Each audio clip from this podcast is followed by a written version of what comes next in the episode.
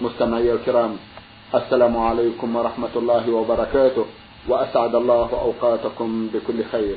هذه حلقة جديدة مع رسائلكم في برنامج نور على الدرب.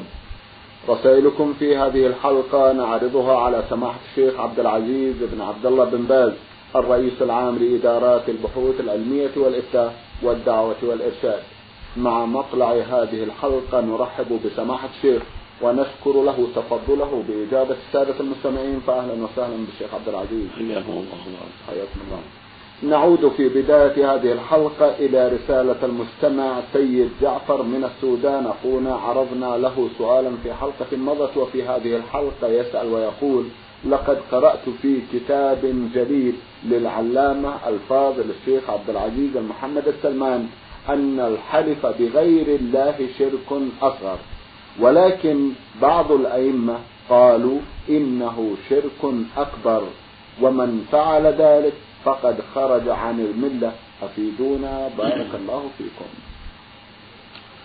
بسم الله الرحمن الرحيم. الحمد لله وصلى الله وسلم على رسول الله وعلى آله وأصحابه ومن اهتدى بهداه. أما بعد فإن الشرك نوعان أكبر وأصغر. بإجماع المسلمين. قال الله عز وجل في الشرك الأكبر ولو أشركوا لحبط عنهم ما كانوا يعملون وقال سبحانه ولقد أوحي إليك وهي الذين من قبلك لئن أشركت ليحبطن ليحبطن عملك ولا تكونن من الخاسرين قال سبحانه إن الله لا يغفر أن يشرك به ويغفر ما دون ذلك لمن يشاء فهذه الآيات وأشباهها في الشرك الأكبر. ومنه دعاء الأموات والأصنام والأشجار والأحجار والنجوم والجن والملائكة ونحوهم ونحوهم والاستغاثة بهم والندعو لهم والذبح لهم ونحو ذلك. هذا من الشرك الأكبر. وهكذا اعتقاد أنها أن هؤلاء يصلحوا للعبادة وإن لم يدعوهم. إذا اعتقد أن هؤلاء يدعون من دون الله ويستغاث بهم وأنه لا بأس بذلك هو شرك أكبر وإن لم يفعل. وهكذا اعتقاد السر في حي من الأحياء أنه ينفع ويضر دون الله وأنه يصلح لأن يعبد من دون الله ولو كان حيا كما يفعله بعض غلال الصوفية في مشايخهم. هذه وأشباهها من الشرك الأكبر. وهكذا ما يفعله بعض الناس مع الجن. يدعوهم وينذر لهم ويذبح لهم خوفا من شرهم. هذا أيضا من الشرك الأكبر. وهكذا ما يفعله بعض الناس مع مع الرسل والأنبياء والملائكة. يدعوهم يستغيثوا بهم ينظروا لهم. هو من الشرك الأكبر. قال الله عز وجل ولا تدع من دون الله ما لا ينفعك ولا يضرك فإن فعلت فإنك إذا من الظالمين يعني المشركين. وقال سبحانه وتعالى وأن مساجد لله فلا تدعوا مع الله أحد. قال عز وجل ذلكم الله ربكم له الملك. والذين تدعون من دونه لا يملكون من قدرين إن تدعوهم لا يسمعون دعاءكم ولو سمعوا ما استجابوا لكم. ويوم القيامة يكفروا بشرككم. فسماه شركا دعوة غير الله سماها شركا. قال سبحانه ومن يدعو مع الله إلها آخر لا برهان له به فإنما حسابه عند ربه إنه لا يفلح الكافرون. فسمى دعاة غير الله كفارا. أما الشرك الأصغر فقد بينه النبي صلى الله عليه وسلم في عدة أحاديث منها حديث محمود بن لبيد عن النبي صلى الله عليه وسلم قال عليه الصلاة والسلام أخوف ما أخوف ما أخاف عنه الشرك الأصغر فسئل عنه فقال الرياء يقول الله يوم القيامة للمرائين اذهبوا إلى ما كنتم ترون في الدنيا فانظروا هل تجدون عندهم من جزاء وهذا الحديث صحيح. رواه جماعة من العلم بأسانيد صحيحة فهو يدل على أن الشرك فيه أصغر وأكبر فالرياء من جنس الشرك الأصغر هو الذي يقرأ يرائي أو يصلي بعض الصلوات يرائي الناس أو يسبح ويهلل يرائي أو يأمر بالمعروف عن المنكر يرائي يقول الله يقول النبي صلى الله عليه وسلم من رأى رأى الله ومن سمع سمع الله. قال جماعة من علماء التفسير إن قوله تعالى فمن كان يرجو لقاء ربه فليعمل عملا صالحا ولا يشرك بعبادة ربي أحدا نزلت في المرائين هذا الرياء إذا وقع من المسلم في بعض الأعمال فهو شرك أصغر. وهكذا إذا عاد المريض أو فعل أي عبادة من العبادات التي يتقرب بها إلى الله فعلها من أجل الرياء أو من أجل السمعة. كان فيك أصغر أما إذا كان فاسد العقيدة كالمنافقين الذين يعتقدون تكذيب الرسول صلى الله عليه وسلم وإنكار ما جاء به من الهدى أو الشك في ذلك ثم يصلون مع الناس ويصومون ويراؤونهم بهذا فهذا شرك أكبر هذا رياء أكبر لأنهم فاسدوا العقيدة إنما أظهروا ما أظهروا تقية ورياء فهم كفار كفرا أكبر لفساد العقيدة. كما قال عز وجل إن المنافقين يخادعون الله ويخادعون وإذا قاموا إلى الصلاة قاموا كسالى. يراؤون الناس ولا يذكرون الله إلا قليلا. مذبذبين بين ذلك. لا إله هؤلاء ولا إله. عندهم شك وريب وتردد. وصاروا كفارا كفرا أكبر. وقال في حقهم في الآخرة إن المنافقين في الدرك الأسفل من النار. ولن تجد لهم نصيرا. بسبب كفرهم الأكبر واعتقادهم الفاسد. ومن الشرك الأصغر الحلف بغير الله. كما قال النبي صلى الله عليه وسلم من حلف بشيء من الله فقد أشرك رواه الإمام أحمد في المسند من حديث عمر رضي الله عنه في سند صحيح وخرج أبو داود والترمذي من حديث ابن عمر رضي الله عنهما عن النبي صلى الله عليه وسلم قال من حلف بغير الله فقد أشرك أو كفر. هكذا شك من الراوي. أو المعنى وكفر أو معنى الواو يعني وقع في الشرك والكفر جميعا. هذا عند أهل العلم شرك أصغر. لأن الرسول صلى الله عليه وسلم أقرهم على على حلف بغير الله في أول الإسلام ولم ينهاهم عن ذلك ثم نهاهم بعد ذلك. فلو كان شركا أكبر لم يقرهم عليه لأن الله بعثه بإنكاره من حين بعث في مكة فلما أقرهم عليه دهرا من الزمان ثم نهاهم في المدينة بعد ذلك دل على أنه شرك أصغر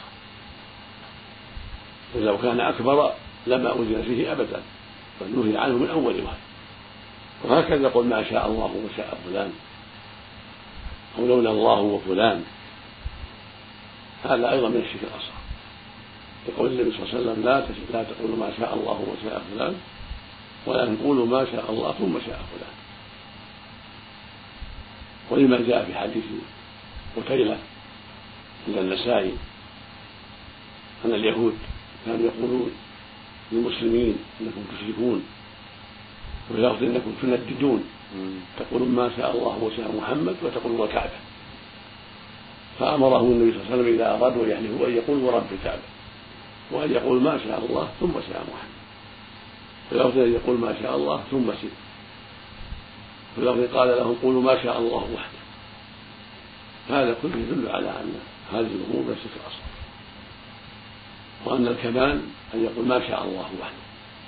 فإن قال ما شاء الله ثم شاء فلان لولا الله ثم فلان فلا بأس بذلك.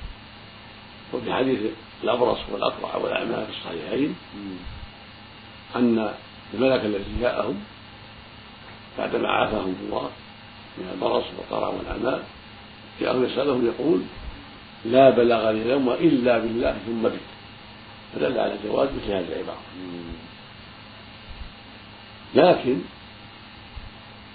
لو اعتقد من حلف بغير الله أن هذا المحلوف به يتصرف في الكون أو ينفع ويضر دون الله أو أن له مثل عظمة الله صار شركا أكبر. فمن قال من العلماء أن الشرك الأكبر فمراده إذا عظمه كتعظيم الله. أو اعتقد فيه أنه يصلح لما يعبده الله به. أو أنه ينفع ويضر دون الله أو ما أشبه من العقائد الباطلة. فإن حلف به على هذا الاعتقاد صار شركا أكبر. أما إذا جرى على لسانه حلف بغير الله كعادة جرت عليها جماعته وأهله وبلاده أو جرى عليها سابقا هو وأعتادها سابقا ولم يقصد أنه معظم كعظمة الله أو أنه يتصرف في الكون أو أنه, يصلح لعبد من دون الله. لم يعتقد هذا الاعتقاد ولكن جرى على لسانه الحديث بغير الله كعادة كثير من الناس فهذا الشرك الأصغر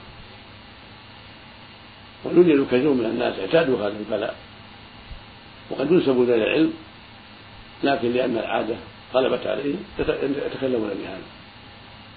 فتجدهم يقول والنبي والأمان بالنبي بالأمانة مع أنه من طلبة العلم ومن أهل العلم لكن غلبت على لسانه واعتادها فينسى عند الكلام فيتكلم بها هذا كله منكر وكله غلط وكله من الشرك الأصغر والواجب التنبيه على ذلك والتحذير منه وألا يتسهل في ذلك.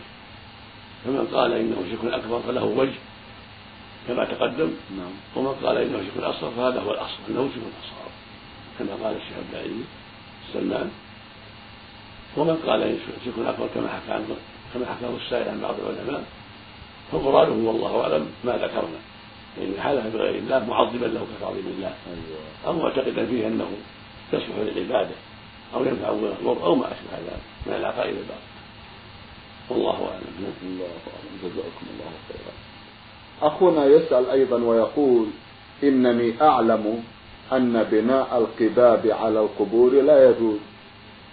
ولكن بعض الناس يقولون إنها تجوز ودليلهم قبة الرسول صلى الله عليه وسلم. ويقولون إن محمد بن عبد الوهاب أزال كل القباب ولم يزل تلكم القبة أي قبة الرسول صلى الله عليه وسلم. فالمفروض أن تزال ما دام الناس غير متشككين فيما يبدو فكيف نرد على هؤلاء؟ أفيدونا. بارك الله فيكم. لا شك أن القباب على القبور بدعة ومنكر. كالمساجد على القبور كلها بدعة وكلها منكر. لما ثبت عن رسول الله عليه الصلاة والسلام أنه قال لعن الله اليهود والنصارى اتخذوا قبور أنبيائهم مساجد. ولما ثبت عنه عليه الصلاة والسلام أنه قال ألا وإن من كان قبلكم كانوا يتخذوا قبور أنبيائهم مساجد ألا فلا تتخذوا مساجد فإني أنهاكم عن ذلك. رواه مسلم الصحيح. ولما ثبت أيضا عن جابر بن عبد الله رضي الله عنهما في صحيح مسلم عن النبي عليه الصلاة والسلام أنه نهى عن تجسيس القبور والقعود عليها والبناء عليها. فنص صلى الله عليه وسلم على النهي عن البناء على القبور والتجهيز لها والقعود عليها. ولا شك أن وضع القبة عليها نوع من البناء. وهكذا بناء المسجد عليها نوع من البناء. وهكذا جعل سقوف عليها وحيطان نوع من البناء. فالواجب أن تبقى مكشوفة على الأرض مكشوفة كما كانت القبور في عهد النبي صلى الله عليه وسلم في البقيع وغيره مكشوفة يرفع القبر عن الأرض قدر شبر تقريبا يعلم أنه قبر فلا يمتهن. أما أن يبنى عليه قبة أو غرفة أو عريشا أو غير ذلك فهذا لا يجوز. بل يجب أن تبقى القبور على حالها مكشوفة ولا يزاد عليها غير ترابها. فيرفع القبر من ترابه الذي حفظ منه يرفع قدر شبر ويكفي ذلك كما جاء في حديث سعد بن وقاص أن أنه قال رضي الله عنه الحدوا لي لحدا وانصبوا علينا بين نصبا كما صنع برسول الله صلى الله عليه وسلم. وقال في الرواية فرفع قبره عن الأرض قد تسب يعني قبر النبي صلى الله عليه وسلم. الحاصل أن القبور ترفع قدر سبر وما يناسب حوله للعلم بانها قبور ولئلا تمتهن وتوطع أو يجلس عليها أما يبنى عليها فلا لا قبة ولا غيرها. إلا حديث السابقة. حديث جابر وحديث عائشة وغيرهما. وفي حديث جابر التصريح بالنهي عن البناء على القبور وتجسيسها. أما قبة النبي صلى الله عليه وسلم هذه حادثة. أحدثها بعض أمراء الأتراك في بعض القرون المتأخرة في القرن التاسع أو الثامن. وترك الناس إزالتها لأسباب كثيرة. منها جهل الكثير من من يتولى لغة المدينة. ومنها خوف الفتنة لأن بعض الناس يخشى الفتنة. لو أزالها لربما قام عليه الناس وقالوا هذا يبغض النبي صلى الله عليه وسلم وهذا كيت وكيت وهذا هو السر في بقاء الدولة السعودية بهذه القبة. لأنها لو أزالتها لربما, قال الجهال وأكثر الناس جهال إن هؤلاء إنما أزالوها لبغضهم للنبي عليه الصلاة والسلام. لا يقولون لأنها بدعة لا يقول لبغضهم للنبي صلى الله عليه وسلم. هكذا يقول الجهلة وأشباههم.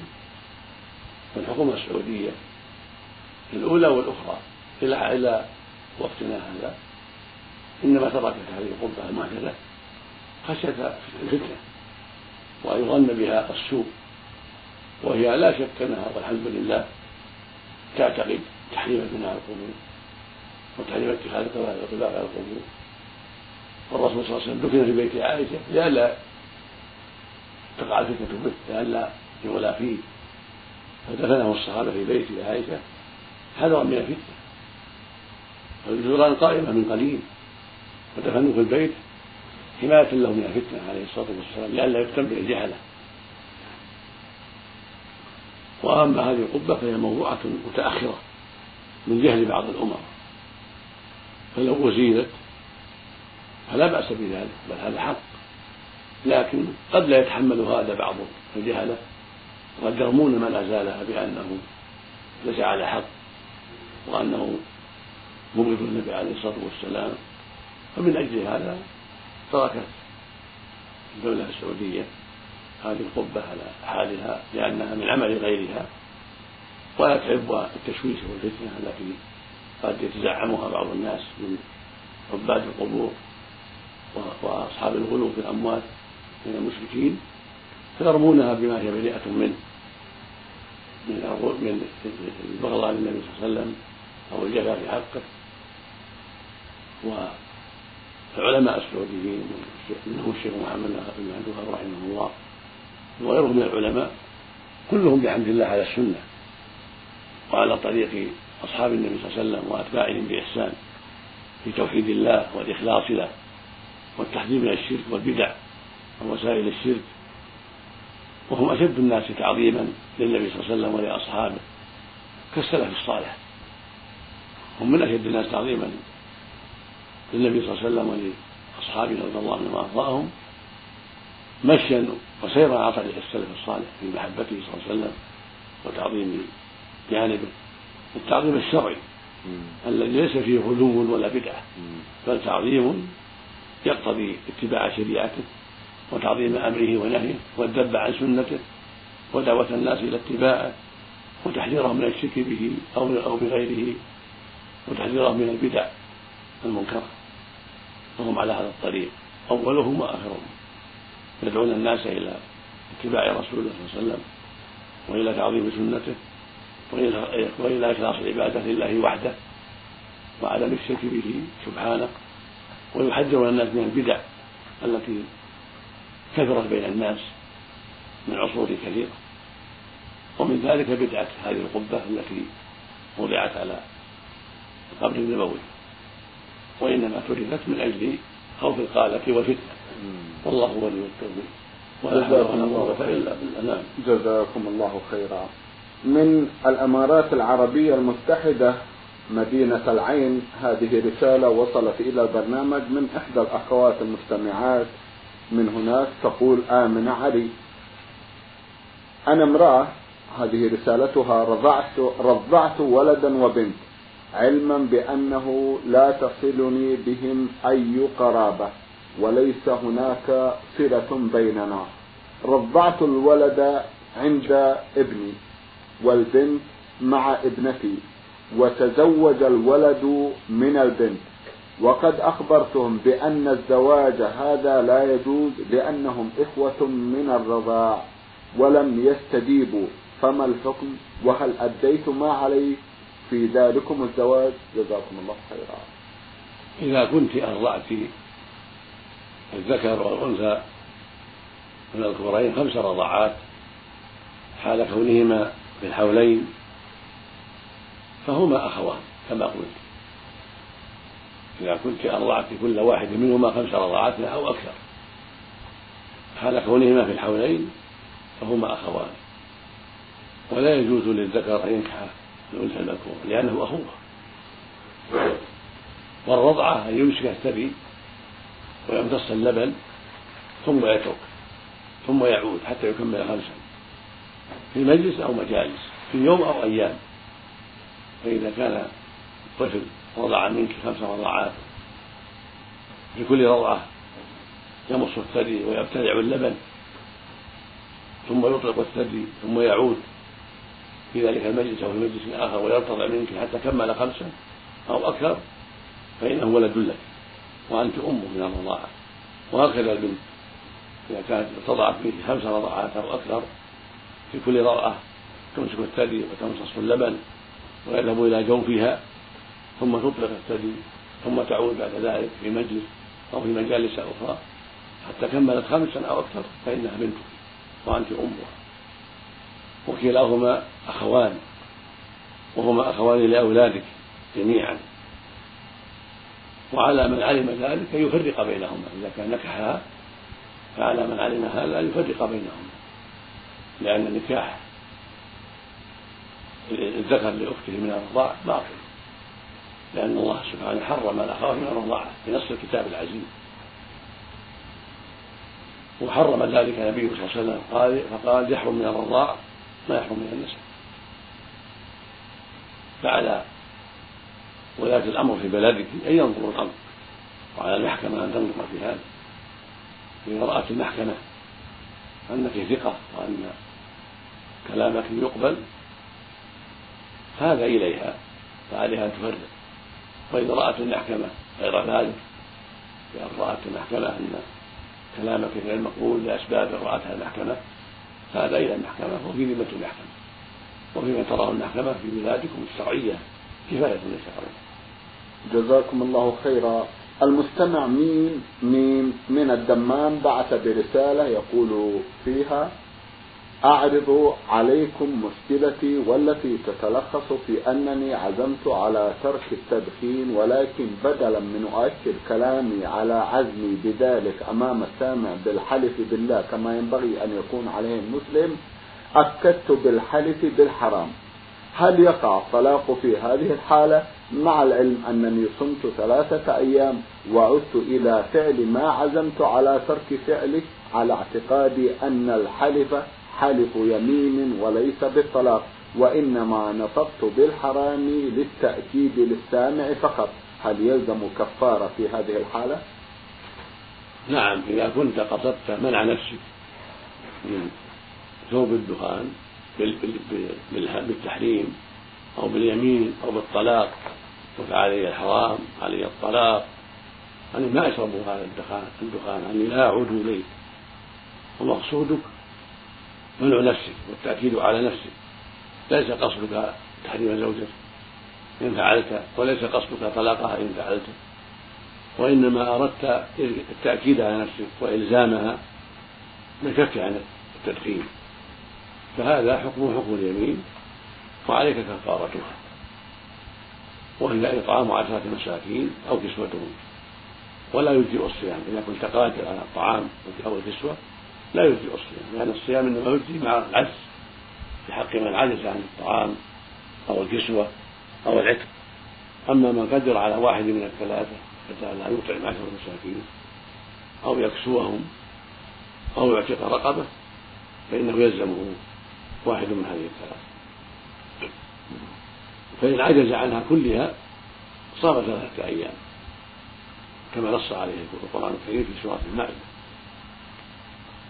أما إن كنت أردت تحريم زوجك إن فعلت أو أردت طلاقها إن فعلت فإنها تحرم عليك وعليك كفارة الظهار وهي عتق رغبة مع قدرة. وإن عجزت تصوم شهرين متتابعين ستين يوما. فإن عجزت تطعم ستين مسكينا ثلاثين صاعا. كل صاع بين اثنين من قوت البلد من تمر أو أرز أو غيرهما. كل صاع بين اثنين. والصاع له ثلاث كيلو تقريبا. وهكذا إذا أردت الطلاق إذا كنت عليه الطلاق وأردت طلاقها إن دخلت يكون طلقة واحدة. وعليك أن تراجعها إذا رجعت إلى التدخين. إذا كنت لم تطلقها قبل هذا طلقتين فإنه يحل لك مراجعتها. إذا كنت أردت إيقاع الطلاق فتقول اشهد يا فلان وفلان أني راجعت زوجتي هذا هو السنة. تسلم الاثنين أنك راجعت زوجتك. بعد أن باشرت الدخان والواجب عليك يا أخي تقوى الله وأن تحذر التدخين لمضرته العظيمة وخبثه الكثير. والله سبحانه إنما أباح العباد الطيبات كما قال عز وجل يسألونك ماذا أحل لهم. قل أحل لكم الطيبات هكذا في سورة المائدة. وقال سبحانه في سورة الأعراف في وصف النبي عليه الصلاة والسلام قال ويحل لهم الطيبات ويحرم عليهم الخبائث. ولا شك أن التدخين أمر منكر وأن الدخان من الخبائث. قرر الأطباء العارفون به وكل من استعمله أنه مضر وخبيث. فعليك يا أخي أن تتقي الله وأن تحذر. شر هذا البلاء. وأن تبتعد عنه وأن تعزم عزما صادقا عزم الرجال ألا تعود إليه. رزقنا الله وإياك التوفيق والهداية. اللهم آمين. سماحة الشيخ في ختام هذا اللقاء أتوجه لكم بالشكر الجزيل بعد شكر الله سبحانه وتعالى على تفضلكم بإجابة السادة المستمعين وآمل أن يتجدد اللقاء وأنتم على خير. نرجو ذلك. مستمعي الكرام كان لقاؤنا في هذه الحلقة مع سماحة الشيخ عبد العزيز بن عبد الله بن باز الرئيس العام لإدارات البحوث العلمية والإفتاء والدعوة والإرشاد من الإذاعة الخارجية سجلها لكم زميلنا فهد العثمان. شكرا لكم جميعا وسلام الله عليكم ورحمة وبركاته.